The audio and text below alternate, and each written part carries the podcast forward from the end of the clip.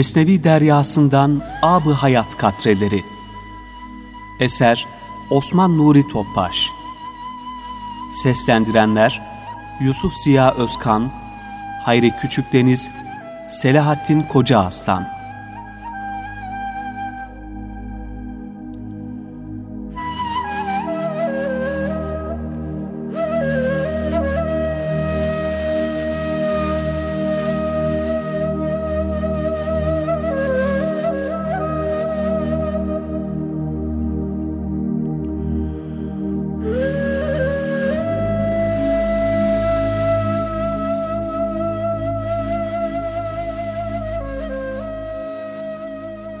Mesnevi'ye göre gafletten kurtuluş. Kainatta her şey onun sevgisinin eseri olduğu için köpeğin sızlanması bile hakkın cezbesi yani onun çekişiyledir. Çünkü herhangi bir şeye rağbet edenin ona yönelenin karşısında bir yol vurucu, bir engel vardır. Yani Köpeğin vazifesi evi korumak, sürüyü beklemektir. Köpeğe bu vazifelere engel olmasaydı, köpekler de hakkın cezbesiyle dağlara düşerler, birer mecnunu ilahi olurlardı. Ashab-ı Kehf'in köpeği gibi ki, o cezbe sayesinde leş yemekten kurtuldu da, padişahlar padişahının sofrası başına oturdu. O köpek, Ashab-ı Kehf'in dostluğunu seçtiği, onlarla beraber bulunmanın zevkine vardığı için mağaranın kapısı önünde kıyamete kadar çanaksız, çömleksiz rahmet suyunu içip merhamet yemeğini yer durur. Köpek postuna bürünmüş. Yani görünüşte hor ve hakir, adı sanı olmayan nice kişiler vardır ki perde arkasında ashab-ı kehfin köpeğine verilen sevgi kadehinden içer dururlar.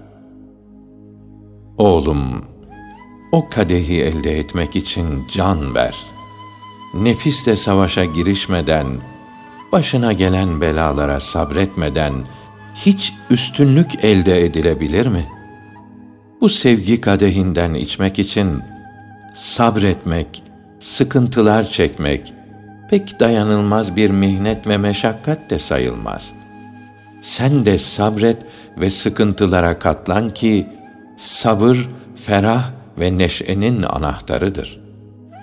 Dünya pususundan yani bedene ait arzu ve isteklere sabretmeden, acılara katlanmadan ve ihtiyatla hareket etmeden hiç kimse kurtulamadı.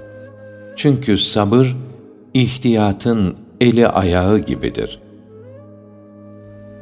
Mesnevi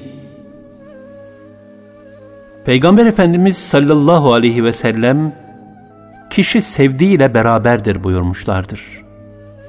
Muhabbet ve onun neticesi olan beraberlik beraber olunanla hemhal olmayı icap ettirir. Çünkü hal saridir ve onun akım vasıtası muhabbettir.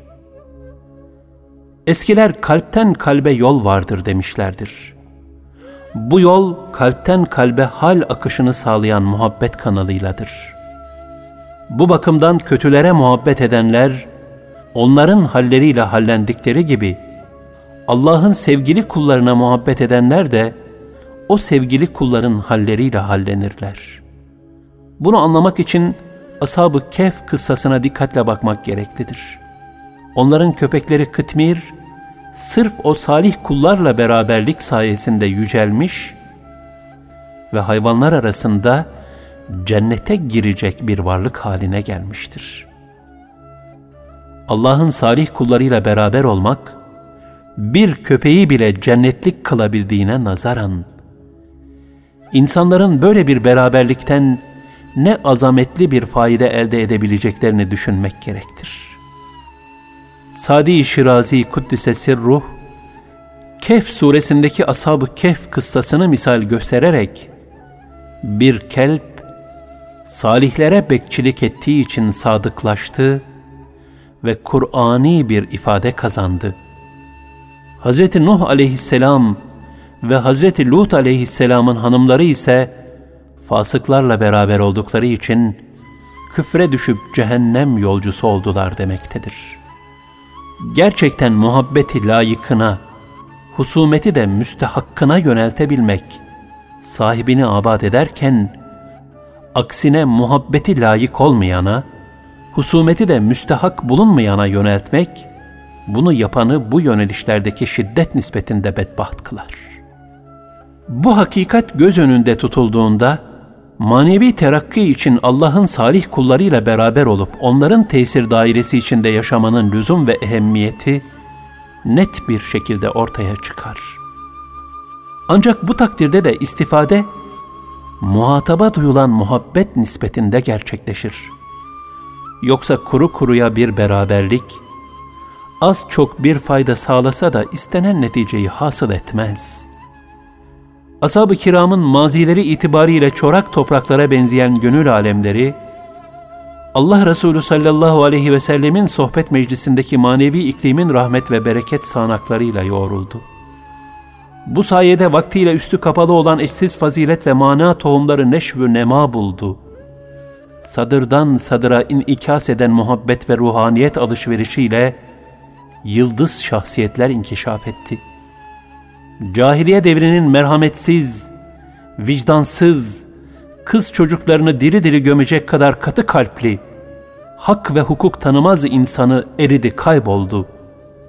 Aynı silüet içinde, fakat bu defa gözü gönlü yaş dolu, diğergam, ince, rakik, hassas bir insan hüviyeti teşekkül etti. Dünya hayatı bütün varlıkları oyalayıp meşgul etme hususunda bir nevi afyon gibidir. Yani Allah'tan alıkoyucudur. Esasen dünya nedir sualine büyükler, Allah'tan alıkoyan her şey cevabını vermişlerdir.'' Dünya hayatı ise her varlık için bir memuriyettir. Bu memuriyetin nihai gayesi ahireti kazanmaktır. Peygamber Efendimiz sallallahu aleyhi ve sellem'den bu nükteye işaret eden dünya ahiretin tarlasıdır beyanı rivayet olunmuştur. Yani insanoğlu bu dünyada ne ekerse ahirette onu biçer. Dünyanın oyalayıp gaflete sevk etmek hususundaki şu vasfını dinin hassas terazisinde dengelemek lazımdır. Gafletin zıddı teyakkuzdur.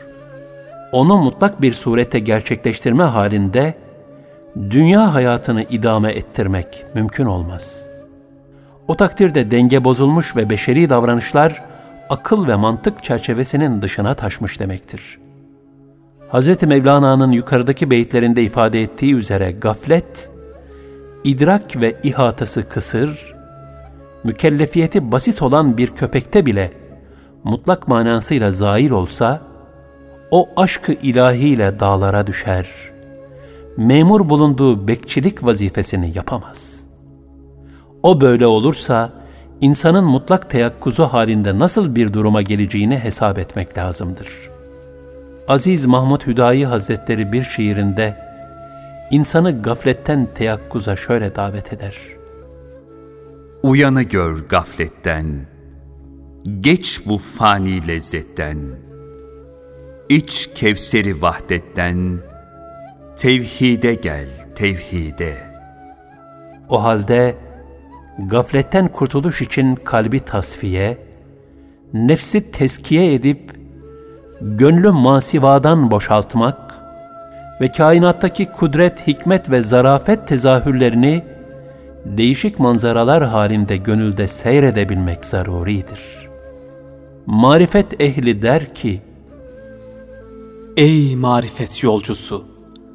Bu yolda sabırsızlığı sabırla, unutkanlığı zikirle, nankörlüğü şükürle, isyanı taatle, cimriliği cömertlikle, şüpheyi yakinle, riyayı ihlas ile, hatadaki ısrarı tevbeyle, yalanı doğrulukla, gafleti tefekkürle değiştirmedikçe mesafe alamazsın.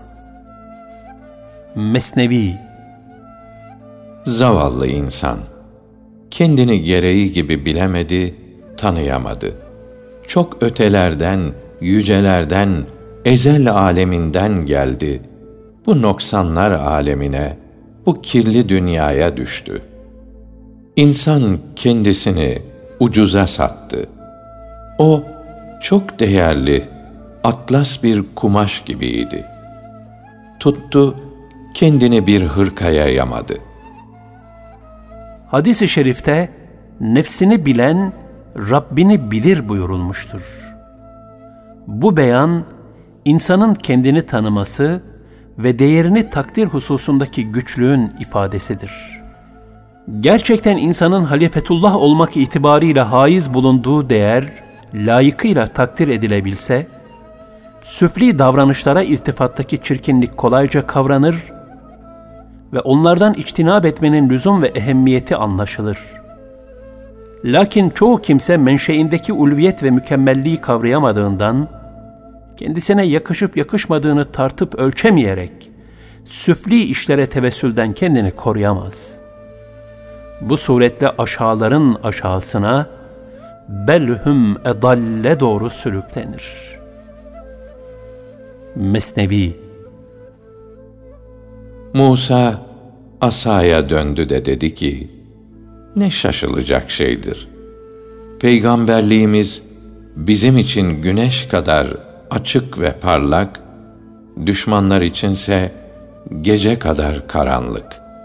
Acaba Firavun'un ordusu bu alemin kuşluk vaktinin güneşiyle doluluğunu nasıl olur da göremiyor? Gözleri açık, kulakları açık ve bu parlak zekalarıyla beraber hakikati görüp işitmiyorlar. Allah'ın gözleri bağlamaktaki gücüne, kudretine hayranım. Ben onların gafletine şaşıyorum, onlar da benim peygamberliğime, hakka davet edişime şaşıyorlar. Oysa onlar bir baharın yetiştirdiği dikenlerdir. Ben ise o baharın çimeniyim, yaseminiyim.'' kendi benliğindeki ulviyeti ve memuriyetinin istikametini layıkıyla takdir edemeyerek, kendi dünyalarını mat dumanına uğramış bir zemin gibi karartanlar, tepelerinde güneş bulunsa bile onun ziyalarını göremezler. Çünkü araya gafletten teşekkül etmiş bir karanlık perde girmiştir. Musa aleyhisselam ve emsali peygamberler, nuraniyet itibariyle güneş gibi oldukları halde, onların hakikatine nüfuz edememek, gafillerin tabi oldukları nefis engeli sebebiyle kendi dünyalarını karanlığa gömmelerinin tabii bir neticesidir. Onlar yorganı kafalarına çekerek gündüzü gece telakki, ilan ve iddia eden bir gafil gibidirler. Gerçeğin onlara göre değişmeyeceği hakikatinden habersizdirler. Bu hali Allah'ın takdirinden bilen Hazreti Musa aleyhisselam, o yüce varlığın idraklere bir perde çekişindeki dirayetini hayranlıkla takdir etmektedir. Lakin o neye kadir değildir ki?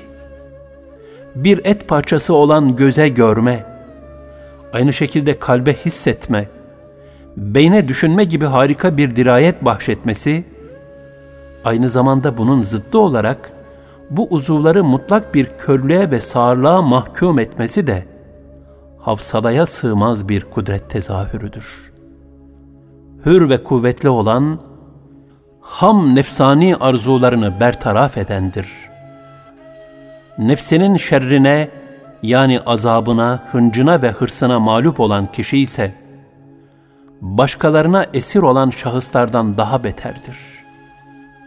Bağdat yakınlarında Peygamber Efendimiz sallallahu aleyhi ve sellemin göz nuru, Hz. Hüseyin radıyallahu anh'ı şehit eden hain bedbaht. Bugün ben dünyanın en şerefli insanını öldürdüm diyerek nefsinin esaret ve paçavralığını sergilemiştir.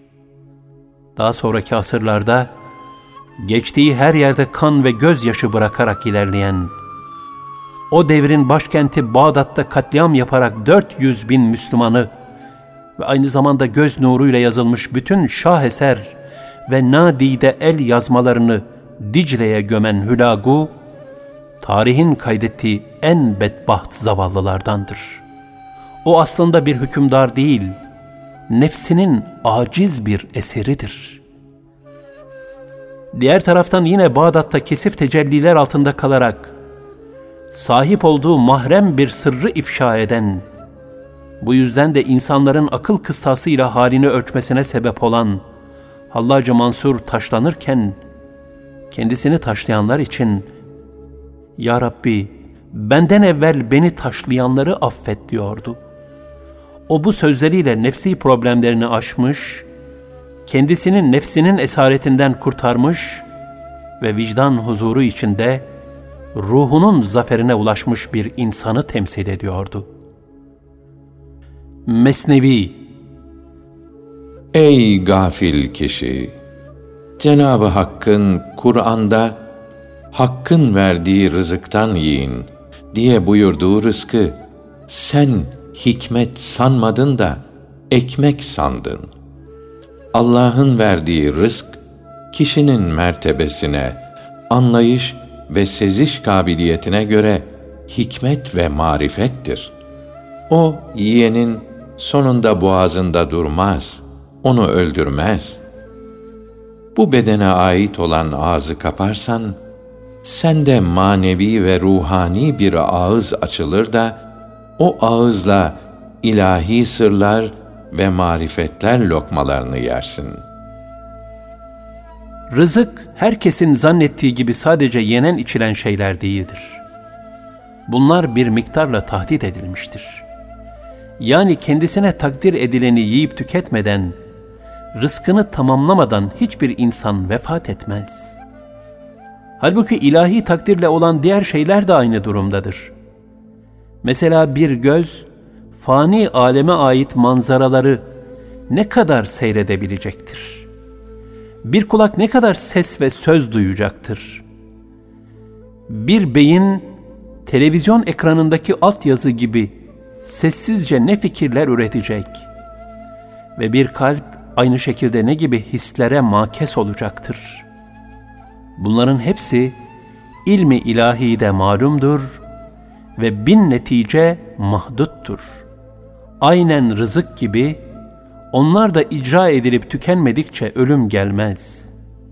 Bu demektir ki sair nasipler de aynen rızık gibi mahdut ve muayyendir. Bu tahdit ve muayyeniyet ilahi takdirledir.'' Bu bakımdan şu vasfı sadece yenilen içilen şeylere mahsus sanmak bir görüş noksanlığıdır. Yine Hz. Mevlana der ki, Teni aşırı besleyip geliştirmeye bakma. Çünkü o sonunda toprağa verilecek bir kurbandır. Sen asıl gönlünü beslemeye bak. Yücelere gidecek ve şereflenecek olan O'dur. Bedenine yağlı ballı şeyleri az ver.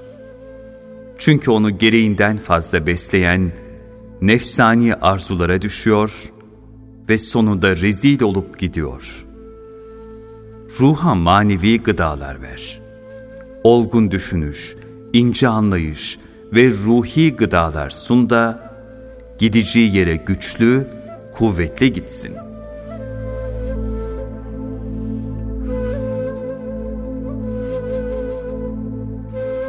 Mesnevi deryasından ab hayat katreleri devam edecek.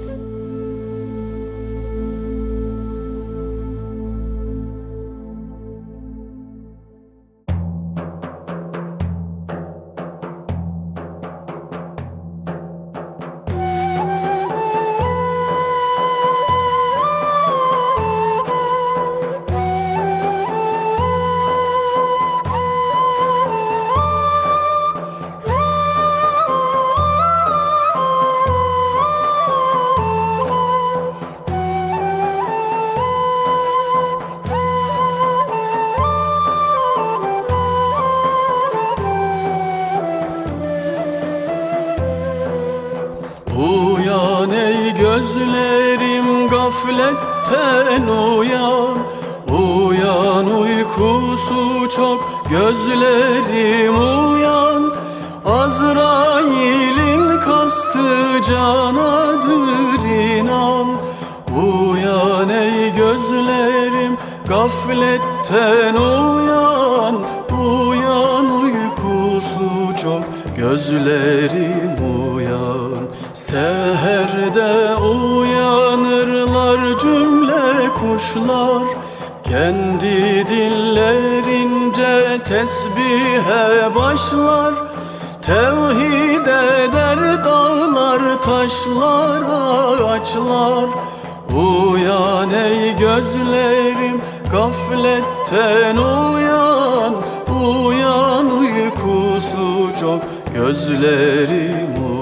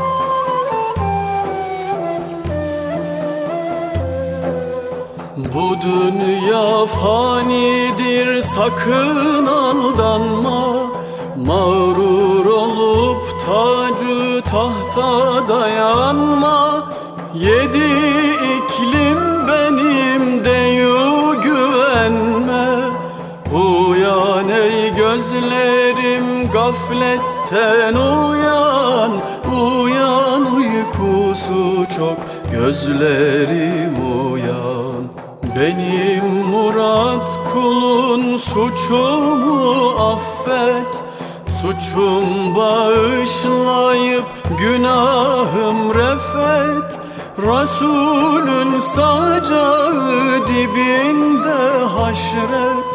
Uyan ey gözlerim gafletten uyan. Uyan uykusu çok gözlerim uyan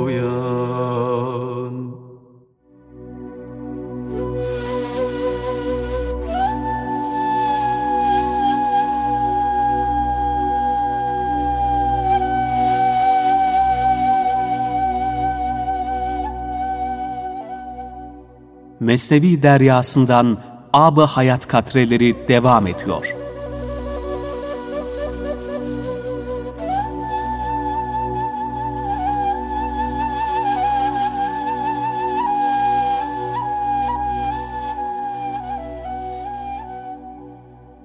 Mesnevi Sen ey ilkbahar güzelliğine karşı dudak ısıran, hayran olan kimse. Bir de sonbaharın sararmış haline ve soğukluğuna bak. Şafak vaktinde güzel güneşin doğuşunu görünce grup zamanı onun ölümü demek olan batışını hatırla. İnsan da aynı bu macerayı yaşar. Kemali ve cemali zevale mahkumdur. Güzel bir çocuk, bakarsın güzelliğiyle halkın sevgilisi olmuştur. Bir müddet sonra ihtiyar bir bunak haline gelir ve halka rezil olur. Eğer gümüş tenli güzeller seni avladıysa, ihtiyarlıktan sonra bir de pamuk tarlasına dönen o bedene bak.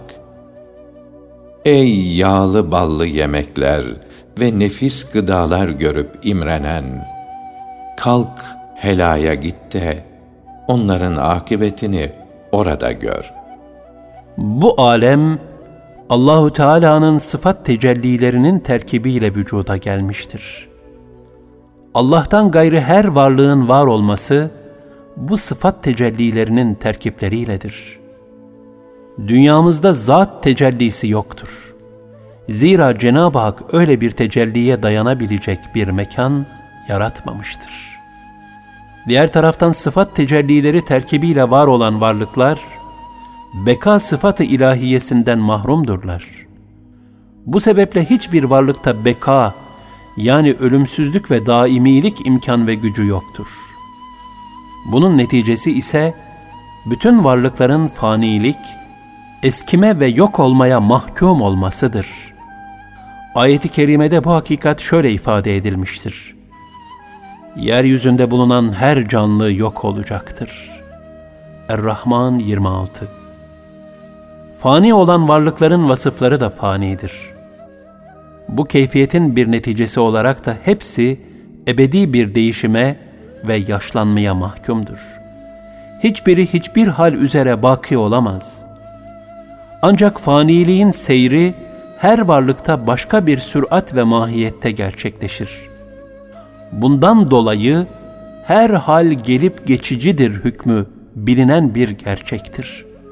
Bu demektir ki zıtlar üzerine kurulmuş alemimiz ne güzellik ne çirkinlik, ne hayır ne şer, ne varlıkla yokluk, ne kemal ve ne de zeval üzere baki olamaz. Ebedi bir değişim, bütün mahlukat için mutlak bir kaderdir. Mevlana Hazretleri yukarıdaki beyitlerinde bu gerçeği terennüm etmekte ve bir insanın çocukluktan ihtiyarlığa doğru seyri ve bir gıdanın geçirdiği değişimi zikir ve ifade buyurmaktadır. Gafilane bir hayat, çocuklukta oyun, delikanlılıkta şehvet, erginlikte gaflet, ihtiyarlıkta elden gidenlere hasret ve binbir türlü çırpınış ve nedametten ibarettir. Zikri dudağına ve kalbine almayan, merhametten nasipsiz, muzdarebin derdini duymak ve hissetmek istemeyen, bedbaht ve mütekebbirlerin kaçtığı ölüm kendisini her an pusuda beklemektedir. Ahiretsiz bir dünya refahı elde etmek için dünya süslerine aldananların, fani lezzetlerde son gününe kadar yorulanların hali ne hazin bir tükeniştir. Dünya bir imtihan ve iptilalar mekanıdır. İlk nazarda raihası hoş ve tatlı gelir. Nefse tazelik ve canlılık verir.'' Lakin bir tuzaktır ki nefs engelini aşamayanların girdabıdır. Mesnevi Ey insan!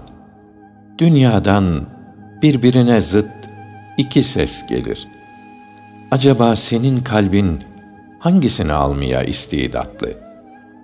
O seslerden biri Allah'a yaklaşanların hali, diğeri ise aldananların halidir. Bu seslerden birini kabul ettin mi, öbürünü duymazsın bile. Çünkü seven bir kimse, sevdiğinin zıddı olan şeylere karşı adeta kör ve sağır olur. Ey salik! Aynadaki son nakşa bak. Bir güzelin ihtiyarlığındaki çirkinliğini ve bir binanın harabe haline geleceğini düşün de aynadaki yalana aldanma. Hazreti Mevlana bu alemin zıtlık üzerine kaim olduğunu yukarıdaki beyitlerinde çeşitli misaller zikrederek anlatmaktadır. Bunun sebebi Cenab-ı Hakk'ın Camiul Ezdad yani zıt sıfatlara sahip bulunmasıdır.'' yukarıda izah edildiği üzere sıfat tecellileriyle var olan alemimizde de bu zıtlık asıldır. Bertaraf edilemez. Esasen insan beyni zıttı olmayan şeyi kavrayamaz. O suretle şartlandırılmıştır. İnsan ve kainat, cemali ve celali tecellilerin makesi ve zıtlığın sergisi halindedir. Zira İslam nazarında mesul olan şahsın idraki, ancak zıttı kavrayabildiği kadardır. Zıtlık, kontrast ne kadar netse idrak de o kadar berraktır. Siyah bir tahtanın üzerine biri beyaz diğeri gri iki iplik konsa, zeminle tezadı tam olan beyaz daha net görülür. Karda yürüyen beyaz tavşanı ise en keskin gözler bile görmeyebilir.'' İslam'da tesis ettiği sistemin ve getirdiği dünya görüşünün izahını yaparken bu realiteyi dikkate alır. İzahlarını zıtlar üzerine bina eder. Hayır, şer, cennet, cehennem, hayat, ölüm gibi. Bu zıtlar arasında hem insan şahsiyetinde ve hem de kainatta bir galebe ve aynı zamanda birbirini bertaraf etme mücadelesi mevcuttur. İnsanın iç dünyasındaki fücur ve takva mücadelesi gibi. Bu mücadelelerde birinin diğerini yok etmesi muhaldir. Çünkü birbirine zıt olan her şey, aslı kainatın halikında olan bir sıfatın alemimize inikasıdır. Allah'ın sıfatları da ebedi olduğundan bu zıtlık kıyamete kadar devam edecektir. İnsana yakışan, kendi şahsında da, harici alemde de, hak ile hayrın, batıl ve şerre galebesini temin etmeye çalışmaktır. Bunun için hak ve hayra kulak vermek, şer ve batıldan yüz çevirmek lazımdır. Bunu yapanlar saadete ererler ki, dinin gayesi de insan denilen her ferdi bu zafere ulaştırmaktır. Nitekim ayeti kerimede, nefsini maddi ve manevi kirlerden temizleyen kurtuluşa erdi. Onu günahlarla örtense helak oldu.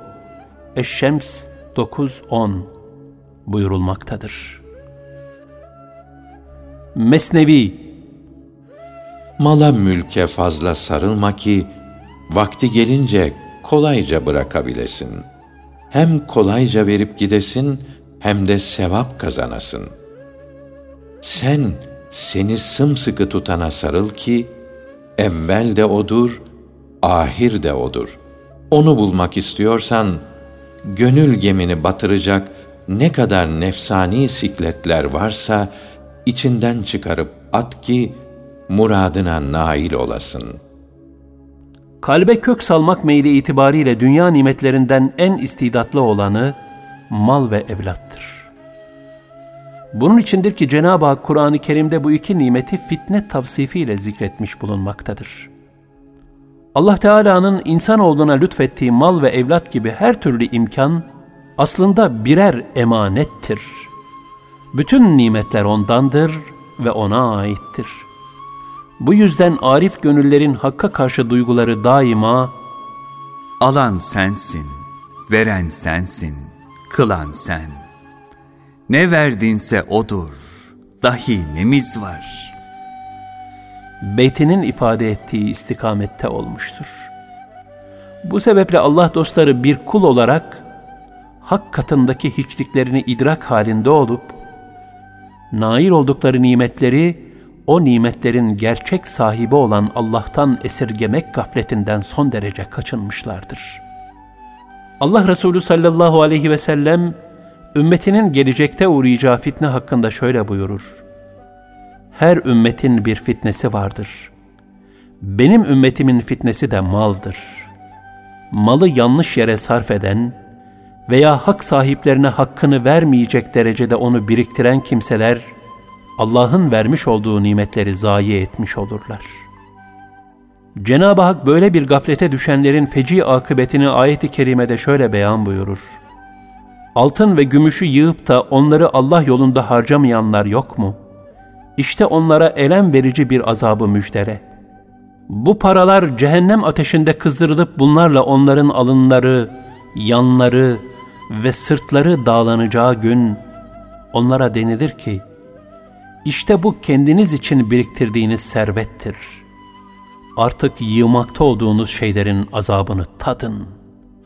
Et-Tevbe 34-35 Şeyh Sadi'nin dünya metaına aşırı düşkünlükle cimrilikte bulunanlara yaptığı şu ikaz, ne kadar ibretlidir. Para yığmakla yükseleceğini sanma. Duran su fena kokar ve kurur bağışlamaya ve akıtmaya çalış. Akan suya gök yardım eder. Yağmur yağdırır, sel gönderir ve onu derya eder. Dolayısıyla asıl marifet, cömertlik ve diğergamlıkla gönlü derya haline getirip, Hakk'ın lütfettiği nimetleri ve dünya ticaretini ahiret zenginliğine dönüştürebilmektir. Bu bakımdan malın hayırlısı, sahibinden önce ahirete gönderilen canın hayırlısı da Allah rızası istikametinde kullanılabilendir. Ashab-ı kiram dünya hayatını ahiret saadetine sermaye kılmak için fakirlikten korkmaksızın bir infak seferberliğine girmişlerdi. Bizler de ahiretimizi tefekkür ederek onların bu yüce faziletinden nasip alabilme heyecanı içinde olmalıyız. Hadis-i şerifte buyurulur, kimin endişesi ahiret olursa, Allah zenginliği onun kalbine koyar, işlerini dağınıklıktan kurtarır ve dünya ona boyun eğerek gelir. Her kimin endişesi de dünya olursa, Allah fakirliği onun gözü önüne koyar, kendisini derbeder eder ve dünyadan kendisine ancak takdir edildiği kadar gelir. Tirmizi Sıfatül Kıyame 30 Hz. Mevlana, mala ait muhabbetin kalpte kökleşmesiyle Cenab-ı Hak'tan uzaklaşmanın tehlikesine işaret etmektedir. Doğru olan, her nimete emanet mantığı ve duygusuyla sahip olmaktır.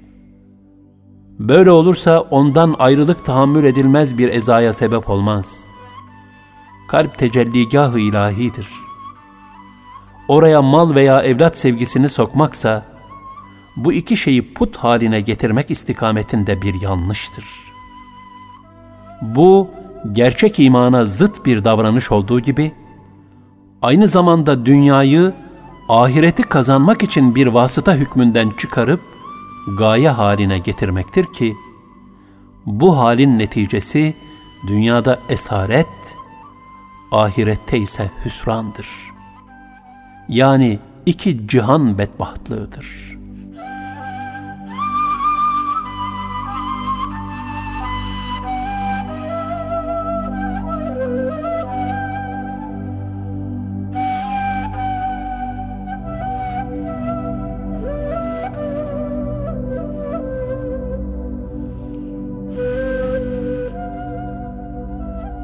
Mesnevi deryasından Ab-ı Hayat katrelerini dinlediniz.